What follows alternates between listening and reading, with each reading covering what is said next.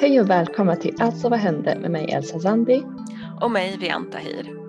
Det här är en popkulturpodd som handlar om fantasy och sci-fi serier. Tillsammans med lyssnare ska vi titta på och prata om tv-serier vi för det mesta älskar, men ibland kanske hatar. Vi pratar om det som händer i tv-serievärlden, men framförallt serierna vi tittar på och analyserar dem ur ett normkritiskt perspektiv. Vi svarar på frågan, alltså vad hände? Det som händer det är att vi har fått reda på att det inte kommer bli en ny säsong av eh, Lovecraft Country. Nej, och eh, det här gör i alla fall mig väldigt, väldigt ledsen. Kanske du blir glad så slipper du nämna också. Men jag hade hoppats på eh, ännu en säsong. Eh, även om, för, även om eh, första säsongen fick ett bra avslut så hade jag faktiskt velat se andra skådisar, andra berättelser, mer, mer, mer liksom. Kanske mer Black History också. Men nu är det alltså slut efter bara en säsong. Det tycker jag är synd. Alltså jag kände faktiskt mig klar, liksom. inte bara för hemläxegrejen eller så. Utan jag, jag tyckte det verkade rätt uppenbart att det liksom skulle bli en one season serie. Så att jag kände så här, ja ah, men nu är vi klara med den storyn, the end. Och sen, alltså jag menar Ruby är död, så what is the point med någonting? Jag vet, men jag tänkte som sagt eh, alltså att de skulle få en ny säsong, en helt ny crew, kanske till och med en helt ny tidsera. Du vet lite som American eh, Horror Story gör, att varje ny säsong är en ny story. Eh, så det hade jag hoppats på, för jag hade velat se mer Black History. Liksom. Ja, nej, men jag förstår vad du menar och det hade ju kanske varit ett alternativ faktiskt att göra så. Men just nu så tittar vi på Loki, His Dark Materials och Eh, Mystic Pop-Up Bar. Så det är spoilervarning på allting. Precis, och eh, vi har ju kollat på femte avsnittet av Loki och nu är jag väldigt, väldigt eh, eh nyfiken och väntar på the rewind igen. Vad hände? ja du, well, det hände en hel del. Mycket explosioner och grejer, mycket liksom action kan man säga. Men vi lämnade dem i post credit scenen som var att Loki träffade sina variants då. Och det var ju Classic Loki, Kid Loki, Boastful Loki och eh, Alligator Loki som verkar vara en fan favorite. och eh, de var så här till Loki, de bara we gotta get the fuck out of here. Eh, och det var för att det var ett skitstort molnmonster som slukade alla och allting som hette Elias. Så de sprang, eller ibland gick, alltså jag vet inte varför man går, men de sprang och gick för sina liv och så hoppade de ner i en bunker och eh, där berättade Lokisarna lite mer om hur de hade hamnat där, vad det var för ställe och så vidare. Eh, och Boastful Loki som enligt sitt namn eh, skröt med att han besegrat Captain America och Iron Man och Eh, fått alla Infinity Stones. Och ingen trodde ju på honom för att han är boastful Loki. Eh, men jag menar det ligger liksom 50 Infinity Stones och skräpar på TVA. Så why not? Han kanske visst fick dem. men Kid Loki, han hade dödat Thor. Så det var ju inte en liten bomb att droppa bara sådär. Uh, Alligator Loki hade ätit uh, en grannes katt, fel grannes katt tydligen. Så det var därför han blev pruned och serves him right, känner jag som har katter. Serves him right. Men Classic Loki hade liksom inte gjort någonting fel, eller, eller så, han hade inte gjort så mycket. Han hade eh, lyckats undkomma Thanos eh, i Infinity Wars, alltså som i Endgame. Och sen hade han levt i ensamhet på en planet, reflekterat över sitt liv och sitt plats, sin plats i universum och så vidare och så vidare. Och blev inte pruned förrän han faktiskt bestämde sig för att lämna planeten och återvända för att han hade saknat sin familj. Men så där fick Loki the Loki stories, the Loki origin stories.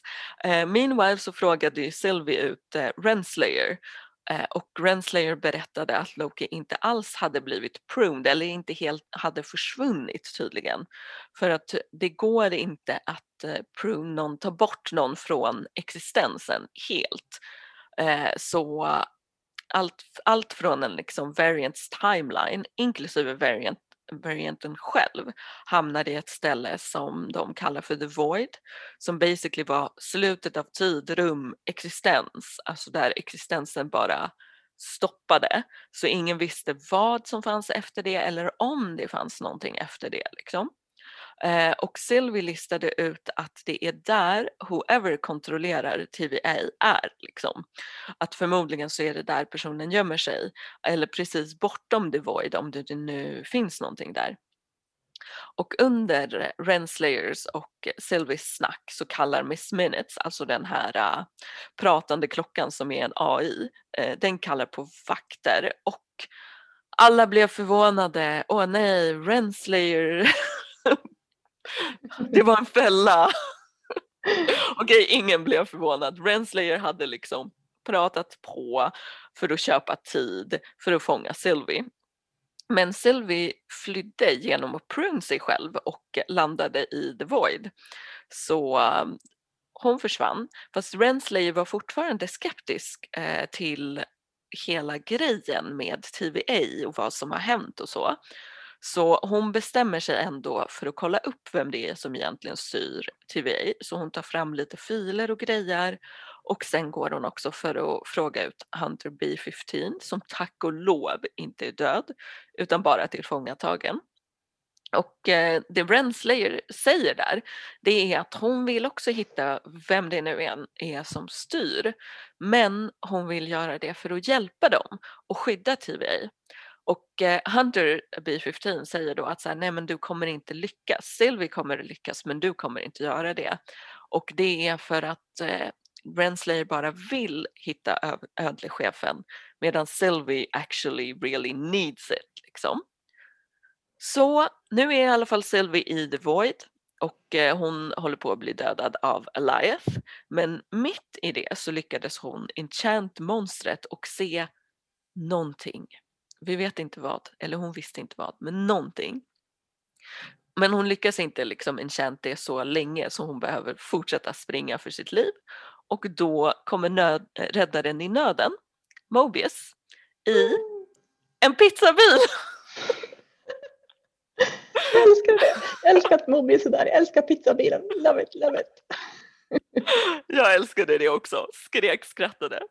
Men at Lokis place eh, så känner Loki, vår Loki, the lesser Loki, att han inte pallar hänga runt där mer och måste ut ur bunkern för att rädda Sylvie. Så då öppnar han locket och där står 71 Lokis, till och med en Loki i kostym för med en sån här, Vote for Loki pin. Så en inom Loki fight startar. A very confusing fight. Men eh, Loki och tre av de fyra Lokisarna, Classic Loki, Kid Loki och Alligator Loki, flyr medan alla slåss. Men Boastful Loki är kvar i fighten om hela makten över tronen för det var han som hade förrått de andra, eller förrått Kid Loki som tydligen var king innan. Men alla beger sig till Alliath. Både Loki with Lokis eh, och Sylvie har liksom listat ut att det är någonting med monstret. Men Lokis plan är att på något sätt döda den för att se vad som är behind the monster medan Sylvies plan är att enchant den. Så de möts upp där eh, på vägen, pizzabilen kommer och så vidare och så vidare. Och eh, så pratar de om sina planer och Sylvie påpekar att Lokis plan är jättedålig. Typ såhär, vad ska du göra mot det där jättemonstret? Are you gonna poke it? och det är sant, den är jättedålig. så de kör på Sylvies plan att eh, enchant den. Um, och um, innan de går ut på sitt mission så lämnar liksom Sylvie över timepaden till Loki för att hon tänker att han ska dra liksom. Men Loki kör ett så hero moment typ jag stannar where you go, I go, yada yada mm. yada. och lämnar, passar vidare eh, timepaden till Mobius som bestämmer sig för att åka till TVA, avslöja allt och göra fucking kaos. de tre Lokisarna som hängde med, de bara vi har följt dig hit, that's our deal, we're gonna go now, peace out. Eh, Men de vill inte följa med Mobius heller utan de vill nämligen stanna i The Void bara för att det är där de bor. Men Mm. inte hjälpa till mer med deras mission. Så Sylvie och Loki traskar vidare till Alliot och när de kommer nära så vän- väntar de på att någonting ska puffa in i The Void. För Sylvie behöver liksom en distraktion medan hon enchant-monstret. Men ingenting dyker upp. Så istället blir det Loki som viftar med ett svärd. Springer runt och ropar och viftar med ett svärd. Och det är ju inte en så jättestor distraktion. Det går sådär. Monstret fattar att det är något på gång och vänder sig liksom till Sylvie istället. Men då, då dyker Classic Loki upp och skapar en illusion av hela Asgard. För som han har påpekat tidigare så är alla, så här, äh, mer, alla Lokis är egentligen mer kraftfulla än vad vi tror har han sagt. Men typ så här, äh, och vi hade märkt det, ni hade märkt det om ni inte var upptagna med att vifta med dolkar enligt honom. Så äh, det här gigantiska Asgard får i alla fall Elias uppmärksamhet så Sylvie och Loki jobbar på typ. Sylvie övertalar Loki om att så här, you can do it, du kan hjälpa till med den här förtrollningen så de tar varandra i hand och lyckas med sin enchantment. Tyvärr inte innan Classic Loki dör medan han skriker for glory. Um, lite out of character för en Loki att dö för the greater good. Men han har ju reflekterat mycket runt sin roll i universum. Liksom. Så Eliot är förtrollad, en lucka öppnar sig, innanför den ser vi någon form av slott där lyset verkar på och Sylvie och Loki börjar gå mot det. Dun, dun, dun. Woo! Tack, tack för sjukt bra rewind. Det var ju sjukt mycket eh, action, så en hel del action alltså. Ja, verkligen. Men det fanns också en hel del Easter eggs i det här avsnittet. För allting Mm. ploppade ju ner i The Void så de kunde liksom peta in allting. Eh, Jag ska inte dra alla Easter eggs, men några kul är till exempel den gula helikoptern som det stod Thanos på. Såg du den? Ja.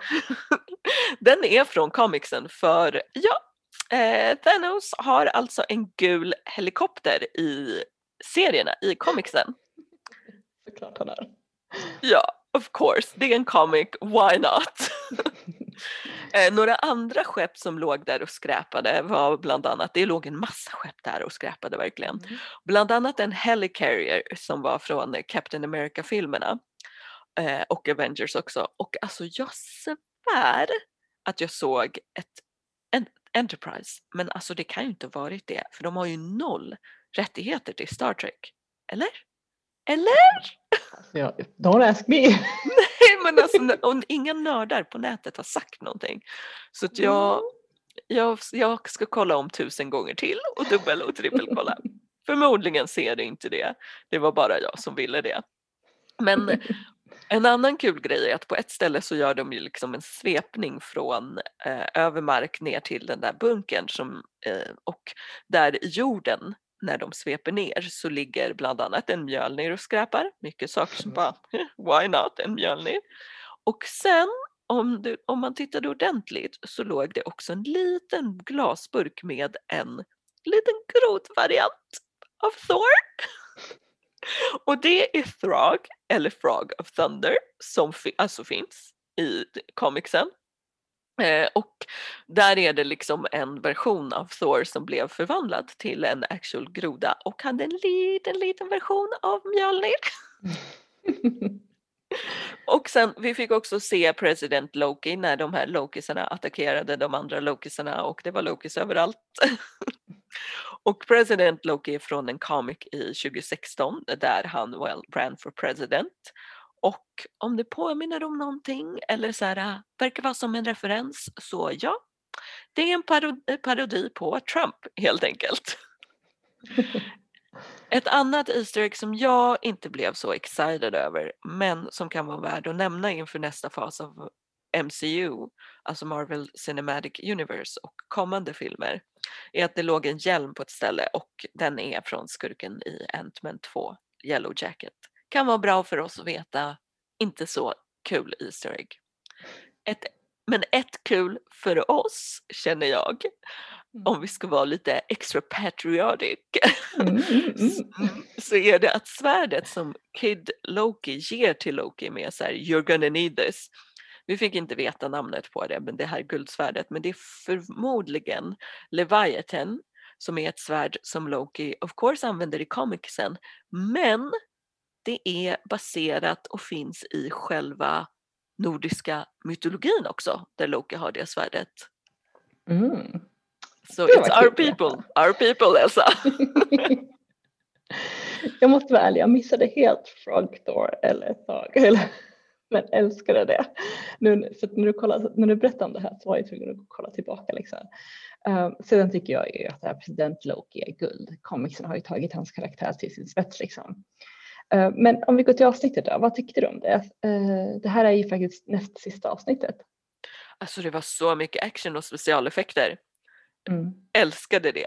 När, när det är mystiska dimmor, saker som ploppar ner, går sönder, guns and bombs, explosions.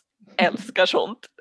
Och det tyckte jag att jag saknat lite, även om det var en planet som kraschade innan. Men jag saknat det lite liksom så. Eh, och det var ju ett avsnitt där mycket hände, men som inte mycket actually hände. Om du förstår vad jag menar? Mm. Vi fick liksom reda på tusen saker på en gång, vilket var fett skönt och nice.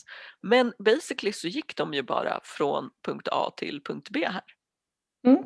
Ja, men jag förstår exakt vad du menar. Det här avsnittet gav oss verkligen svar på en massa, massa frågor som vi verkligen har sett fram emot att få svar på. Liksom.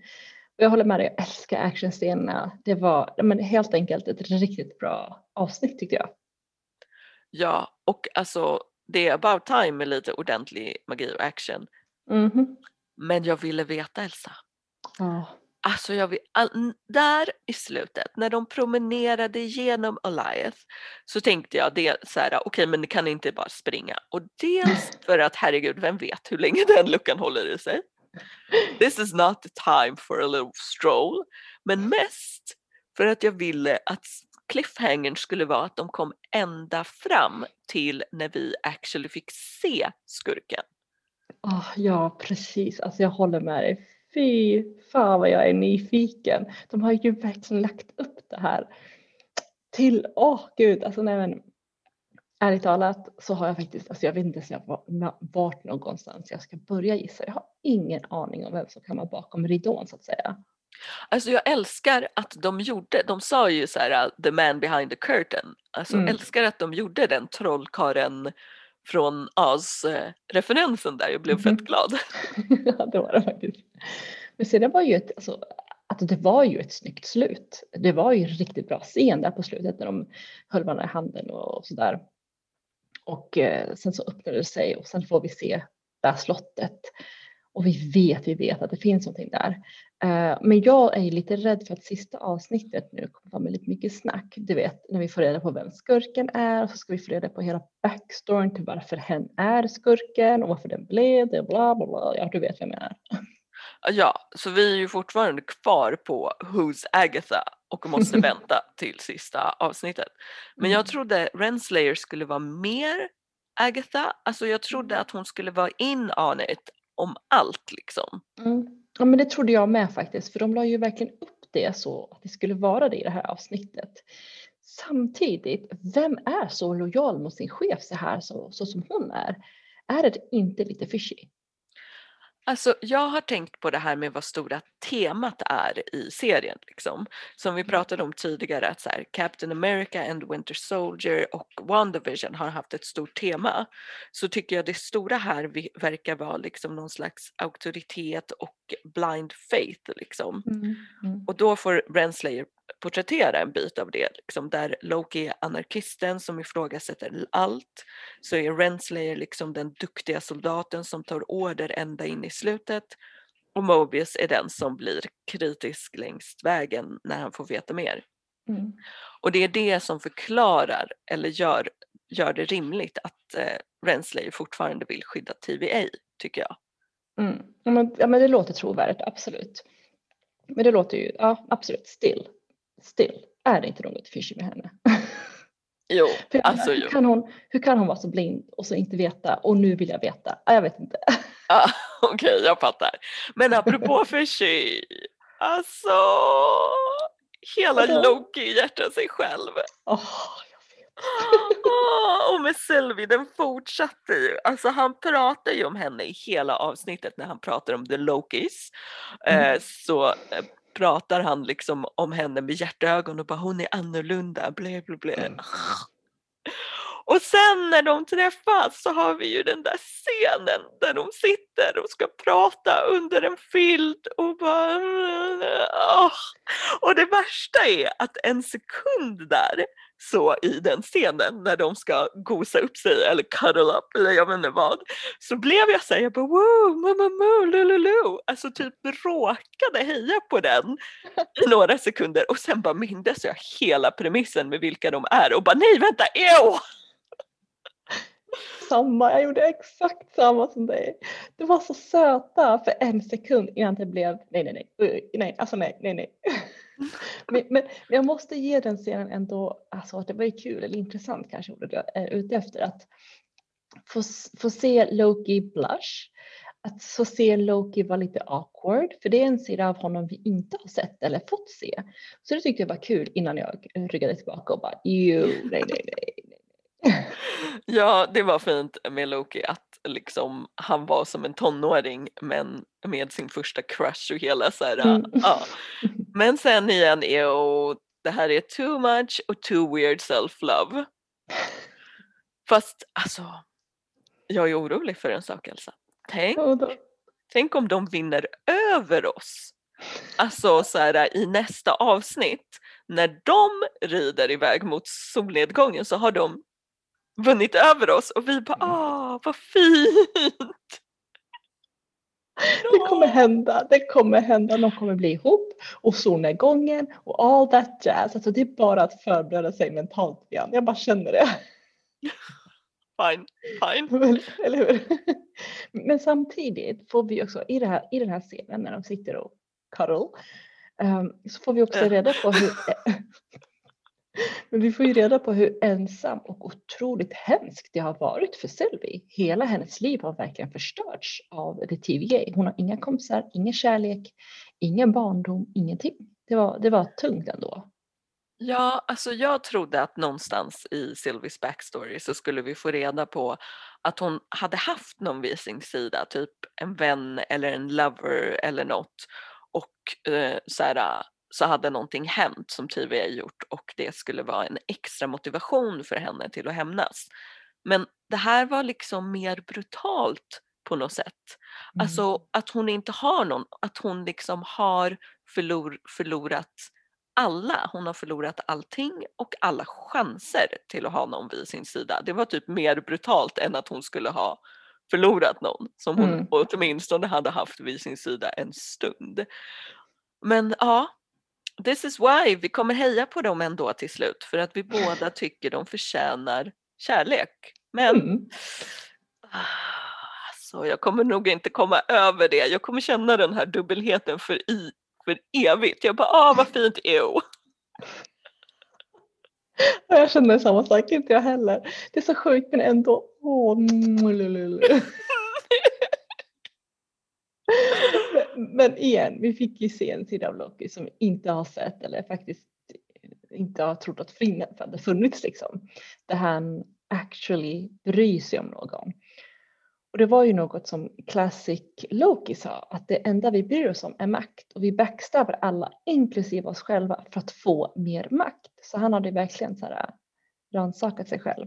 Ja, och eh, Child Loki märkte ju nästan direkt att det var någonting med den här Lokin. Han kommenterade ju det att så här, there's Mm. something different about you och det är det ju verkligen. Jag tycker ändå att den twisten gick snabbt. Men sure, att man fick se sig själv dö för sin bror kanske är ett väldigt ordentligt wake-up call. Så fine, det kanske gick snabbt därför.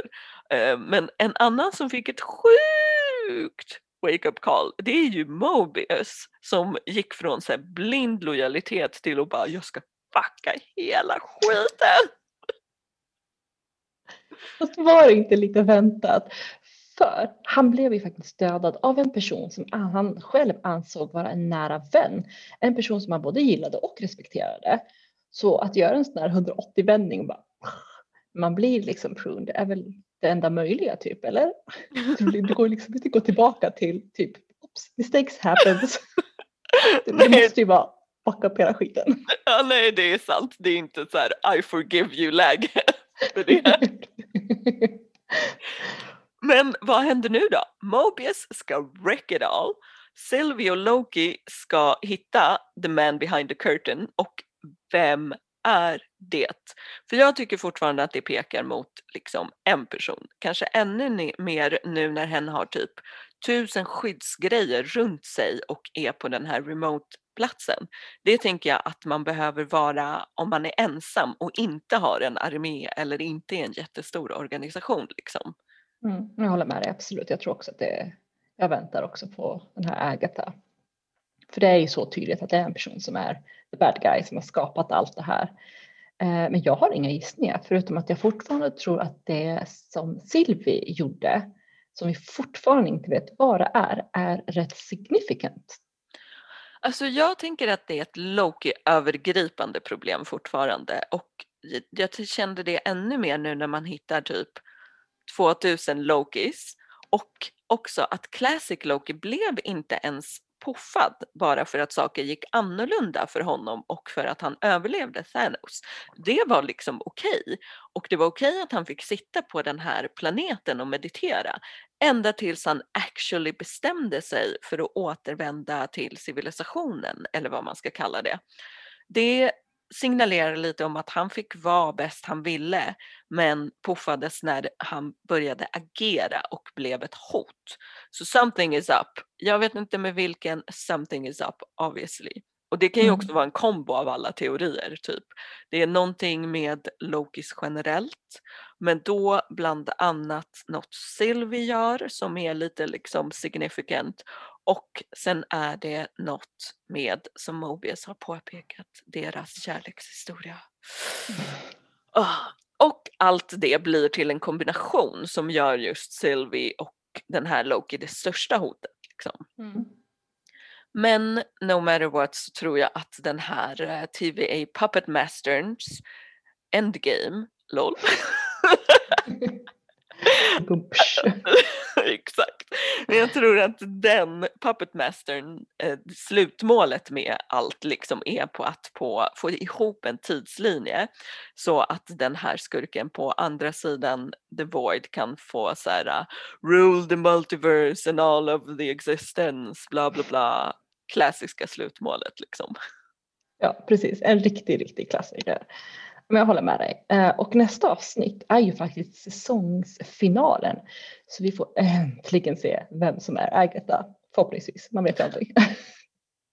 Så i nästa vecka så kommer vi alltså att djupdyk, djupdyka i Loki. Men nu till hemläxorna. Hur mår Kangbei, Chief Gui och eh, i Mystic Pop-Up Bar, Elsa? Eh, jo men alltså först och främst, hör och häpna, jag har tittat på två avsnitt. Uh, jag gjorde oh. att jag var tvungen. det var ju en sån cliffhanger i avsnitt sex uh, för att då var jag tvungen, jag bara alltså, jag måste hitta tid. För att i avsnitt sex så handlar ännu en gång handlar om ett väldigt känsligt och jobbigt ämne som de hanterar väldigt väl och det är så ofrivillig barnlöshet. Där man får liksom, caset är kvinnan då som de har kämpat, det här paret har kämpat i flera år att få barn men de får inte det. Och då, det som är så fint är att man får båda, både mannens här, perspektiv men också kvinnans och hur mycket, det, hur mycket de båda lider på olika håll men tillsammans. Men det är så himla fint. Det är liksom det, är liksom det som jag är så himla imponerad av hur de, är så, hur de hanterar eh, tunga ämnen liksom så fint. Ja. Och där är det, tycker jag, alltså det som är extra fint är ju att mannen är så här, uh, verkligen, han bara det är okej, vi behöver inte ha barn, vi kan ha ett annat liv. Mm. Så att, att jag tycker det är skönt på något sätt att, eh, att han är så och sen, men sen det är klart att det här ändå skapar en konflikt i relationen för att hon tycker det är jobbigt. Men det är fint att han inte pushar på liksom.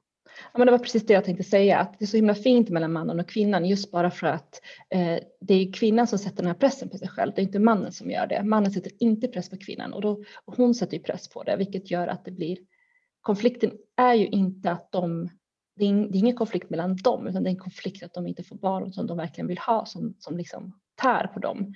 Och mannen säger ju en gång så här, är inte min kärlek nog? Vi kan, vi kan vara lyckliga utan barn. Det, barn är inte liksom meningen med vårt förhållande. Och det tycker jag är så fint att de båda fick komma till tals och att det är en sån fin relation. Och det är andra gången, eller inte bara andra gånger, flera gånger där de ger en sån hälsosam liksom, version av ett par. Det är liksom mm. ingen så här, både förra och förrförra och nu då, liksom, där är man och kvinna som verkligen älskar varandra men just nu har de liksom lite svårt. Mm. Det här gör ju att vårt gäng, eller mest Will Jew, bestämmer sig för att gå till hon eh, som ger, eh, som ger, som ser till att folk får barn, för hon ger dem eh, eh liksom, eh, äggkulor, eller vad man ska säga, i drömmar som gör att kvinnan fångar kvinnan det här så blir hon med barn. Så ja, det, är conception, det är en så här klassisk eh, sydkoreansk grej, liksom conception mm. dreams, att om man drömmer om vissa saker med vissa grejer i, typ en jade-ring, så betyder det, så är drömtolkningen av det att då kommer man conceive eller bli med barn. Så det är liksom, hon delar ut conception dreams Precis, och Wildre bestämmer sig för att hon ska hjälpa den här kvinnan och sno en sån. så de här tre åker in, snor och då ger kvinnan här, den här drömmen efter många och men. Väldigt roligt scen. Men då får hon ju det. Men det här är ju bryter mot lagen. Så i slutet av avsnitt sex så tar de liksom eh, hennes pappa ifrån henne och hon straffas med typ så här samhällstjänst. Därför så bara, jag bara, åh nej, hon räddade ingen själ det avsnittet. Jag, jag, måste få klicka vidare. Så då avsnitt sju handlade ju om um, hur uh, Chief Gui och Wulju ska liksom köra den här samhällstjänsten och ska liksom, um, ja, make time liksom. De måste göra det. Och här alltså älskar att allting är en business. Eh, efterlivet är en business, reinkarnation är en business, döden är en, allting är en business liksom. Jag älskar hur det gör det. Och i det här avsnitt sju då så är ju både Chief Gue och Wulju i en sån här reinkarnationssystem och hjälper till och hjälper till och då blir det också problem och så får de hjälpa till och du vet, de, de räddar dagen liksom det var en rolig referens där, där sju stycken brandmän hade dött så sitter de, så sitter de framför den här reinkarnationskommittén och de bara, ni har varit hjältar, ni räddade så många, ni får bestämma vad ni vill bli liksom, i nästa liv. Ni får allt. De bara, ah, nej men det räcker. De är så humble. De bara, nej nej nej, vet ni vad, jag kom på det, ni ska bli ett sjumanna popband och kall, jag ska kalla er för BLS. Och då var det så himla rolig referens till BTS. Jag dog när jag såg det. För jag tror att de bara, vi vill bara vara en vind som blåser ja. bla bla bla. Och de bara, ni kan ta världen med storm. Som popbandet. Alltså jag dog. Det var fantastiskt. Men det var så himla kul, de har ju sådär humor som är roligt. Men, men i det här avsnittet också så håller ju eh, liksom, håller ju Kang Bei och eh, Yu Yurin på att öva inför den här dansen och de kommer ju nära varandra. De börjar få känslor för varandra men ingen av dem vågar. Och, och Wuljin, nej, Wulju hon säger, va, nej det är inte Wulju som säger det, är, är det Shiv Gui som säger det? Det är någon som säger att han, att hon, de bara att han bara borde kyssa henne, bara kyssa henne. Eller kanske hans bästis, men någon säger till honom, han bara nej men det kan jag inte göra. Men sen så gör hon det istället. Ja. Hon bara tar mod till sig och bara pussar eh, Kang Bei. Och det tycker jag var så himla fint. Han är helt så chockad och hon blir helt chockad. Allting blev så weird. Men nu har de i alla fall pussats. Det, ja. det tycker jag var mysigt. Det var bra. Alltså det här är ju också sån skillnad till i typ andra avsnittet så är mm. så här, så börjar det med att Kang Bei är värsta smooth på en dejt och bara I really want to kiss you now bla bla bla på en dejt med ingen man liksom, som är med i serien eller så. Mm, mm. Och är så här, fett smooth talker och bara glider in for a kiss. Och exakt då vaknar han för att det är Chief Gui och Walju som har gjort, skapat den här drömmen för honom. Det är så jävla roligt hur han är smooth i drömmen och hur osmooth han är i livet precis. Och då tycker jag, ja men det var så fint, och äntligen, men det betyder ju också att deras eh, relation har tagit ett steg fram. Så jag undrar hur det ska bli där. Men sen så är det ju någonting som jag börjar, eh, just att de pratar så mycket, så himla mycket om reinkarnation. Så har en ny karaktär kommit upp, relativt ny. Eh, han är från, han är från 500 år tillbaka, från Wuljus tid. Han är bästa kompis till prinsen som Wulju blev kär i då som skapade så mycket problem eh, som inte gick så bra. Och han är typ bästa kompis till henne och, och han är där och har hittat henne nu i nutid. Och så säger han någonting, eh, typ your highness. Och då börjar jag säga, åh nej, vem är, regna, vem är reinkarnationen av prinsen? Är det Shiv Gui eller Kang Bei? Så jag undrar ju, någon av dem är ju prinsen. Alltså. Så jag tänkte, jag åh nej. Ja, så jag bara, vem av dem? Alltså jag hoppas ju och tror att det är Chilguira. För, ja, för jag, jag vill ju det, för Kang Bei ska ju inte vara, nej men du vet. Ja, men det blev lite sånt där. Så det är, så det blir, nu börjar det ju liksom hända grejer utanför eh, The Pop-Up Bar. Ja, det är ju här som de två historierna, för först så tror man liksom att det bara är en backstory det här för 500 år sedan. Liksom. Mm. Mm. Men det är här på något sätt de två historierna går ihop. Och det tyckte jag var nice att de liksom hennes 500 års historia och nutid börjar liksom glida ihop. Mm, precis. Ja, men det, ja, som sagt två avsnitt blev det den här veckan. Bra jobbat! Tack Bra jobbat!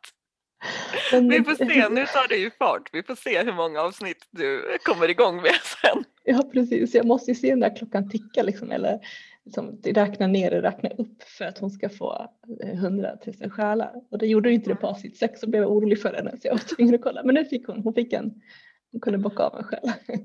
Hur går det för Lyra och hennes, eh, vad heter det, hennes eh, äventyr i His Dark Materials? Alltså tack och lov så lever hon. Så Lee är inte Lee, och Lee är fine. Han var också så här, beat himself up about it vilket var bra. Alltså han pratade om sig själv basically så här, I had one job and I failed. Mm. Eh, och så kommer den här uh, häxan Serafina tror jag hon heter. Mm. Eh, hon är så här, hon bara men you still haven't failed her bla bla bla det finns mer som du kan göra typ. Eh, så så hon tröstar honom men han är fortfarande så här, I had one fucking job. Mm. så det var skönt. Det var mm. skönt tyckte jag att vi var överens där. Men Lyra överlevde. Sen blev hon tillfångatagen av den här äh, onda pansarbjörnskungen som också har eh, hennes pappa tillfångatagen tror hon. Men han var inte där. Alltså det här är som Sagan om ringen, hon bara vandrar och han är fucking ingenstans. Men Yorick ska komma och rädda henne och eh, så blir det liksom efter lite drama and scheming från Lyra så blir det så att eh, den här eh, onda kungen går med på en fight to the death kanske det till och med om tronen i alla fall för Yorick har claim to the throne men blev typ avsatt eh, som pansarbjörnskung. Så de har en stor fight. Yorick vinner blir kung. Good for him. Och sen så ska eh, Lyra vidare tillsammans med, eh, med Roger och eh, Lee och Yorick bara lämnar, alltså så här, jag vet inte vad han gör men han bara lämnar sin tron och ska följa med. Okej, okay. men jag tänkte han kanske bara ska med på vägen. Han kanske har lite så här en delegation som tar hand om stately matters. Jag vet inte.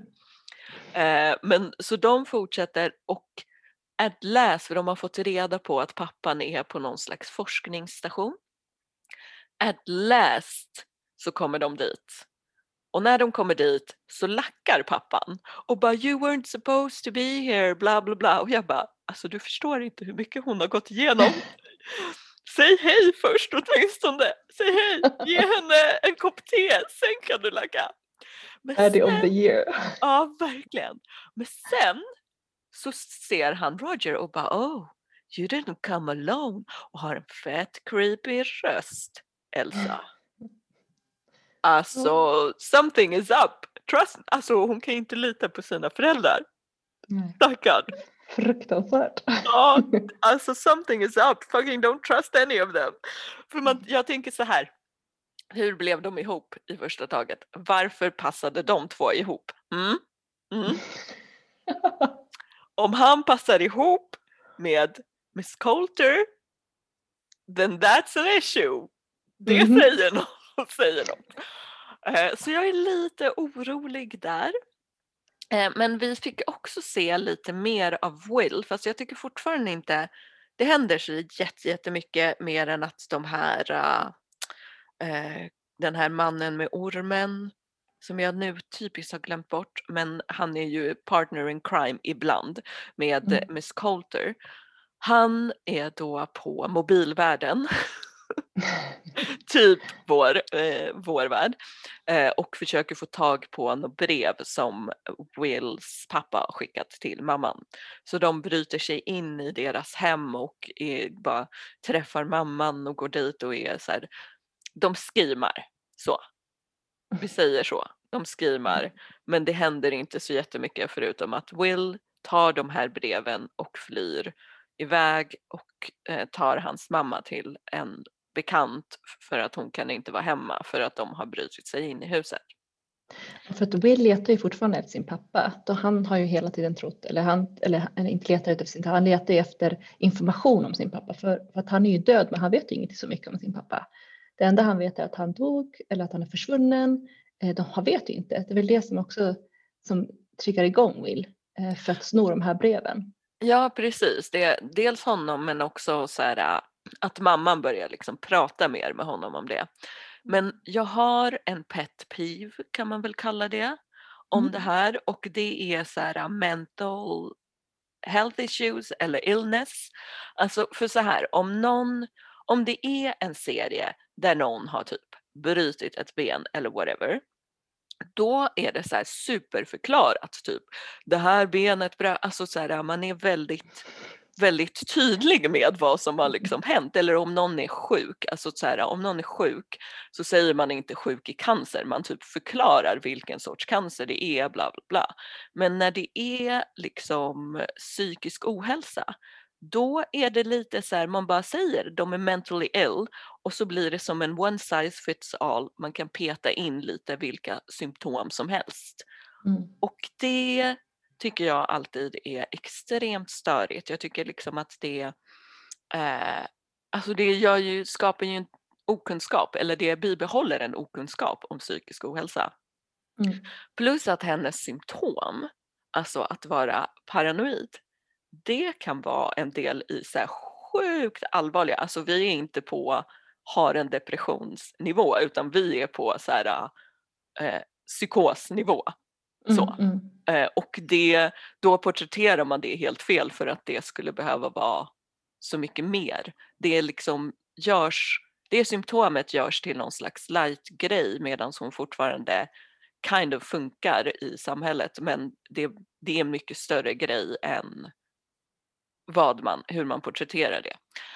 Summa summarum, jag tycker att det är, förlåt vad tänkte du säga? Jag tänkte säga det, i böckerna är det mycket mer eh, utarbetat eller mycket mer för att Will har en jättestress för att han försöker gömma i böckerna, alltså försöker han gömma sin mammas eh, sin mammas tillstånd för att han vet att så fort någon får veta så kommer han bli omhändertagen. Och det vill han inte för de har bara varandra. Så i böckerna är det mycket mera eh, mer berättat, mer ingående. Just Alltså, bara för att han eh, försöker, eh, ja, han är livrädd för att de ska ta henne eller ta honom ifrån henne. Okej, men då har hon någon slags tydlig diagnos eller liksom Mm, någonting. Mm. Jag har Okej, för mig att man- ja, det är ganska tydligt i böckerna. Jag vet inte om de säger rakt ut, men det är inte bara en symptom som vi får reda på. Utan, och Ja. hon beter sig också på ett helt annat sätt eh, i böckerna. Man, man blir väldigt orolig. Liksom. Ja, okej, ja men då är det, för i, jag tycker så här i tv-serier så är det ofta så, eller så Mm, tv-serier, jag film, håller man bara bla bla bla mentally ill och sen Mm. så, så här bla bla bla petar man in ett symptom, man bara ja men hon är paranoid och man bara alltså fast det här är motsvarigheten till Ja. paranoid är typ så här inte någon har stukat foten, det är så här en fucking benpipa sticker ut ur någons ben. Alltså det är så här, Peter, Nej, men det är, och, och sen så att vara till exempel paranoid kan ju också vara symptom på flera olika mental illness grejer också. Det handlar inte bara om du är paranoid så är det inte bara ett fack, en illness eller vad man ska säga du har utan ja, de eller, förenklar ju väldigt mycket. ja, det gör eller liksom, alltså om man är, det är ett symptom inom en sjukdomsbild. Ja, alltså precis. så. Och det finns då faktiskt har man flera olika sjukdomsbilder många- man kan. Ja, typ, ja, precis. precis. Och man har inte bara det symptomet. Eh, så så Mm. jag blir, blir så irriterad. Jag jämförde med en serie som går på Netflix som heter It's okay to not be okay. Mm. Som är ett K-drama, surprise surprise. Men där handlar det om ett mentalsjukhus och där i varje avsnitt så är det liksom, fokuserar de lite på en specifik sjukdom och där märker man att så här, de har läst på, de har gjort den så här medical work för att veta Mm. hur den skulle se ut. Liksom. Så det stör jag mig på bara. Så. Mm, ja.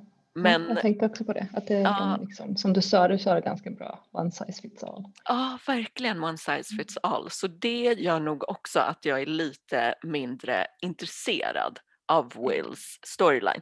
Men nu har han ju gått sin egen väg så då tror jag att det blir lite bättre. Så, helt enkelt.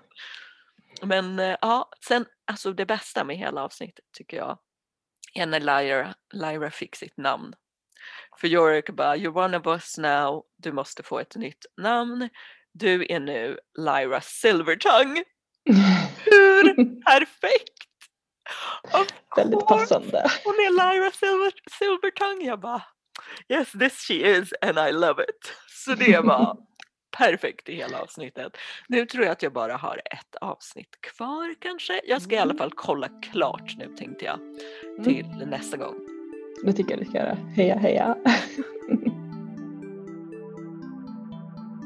är det via en Tahir eller via en Silvertongue numera? Kommer Elsa hitta prinsen i Mystic Pop-Up Bar? Och kommer vi råka shippa Sylvie och Loki, a.k.a. Silky? Nästa gång pratar vi om säsongsavslutning av Loki, men det är också säsongsavslutning för Alltså vad hände? Ni kan alltid hitta oss på Instagram, Facebook och Twitter där vi självklart heter ät alltså vad hände. Du har lyssnat på Alltså vad hände med mig Elsa Zandi. Och mig, Bian Silvertongue. Vi hörs på fredag när vi pratar vidare om Loki, His Dark Materials och Mystic Pop-Up Bar.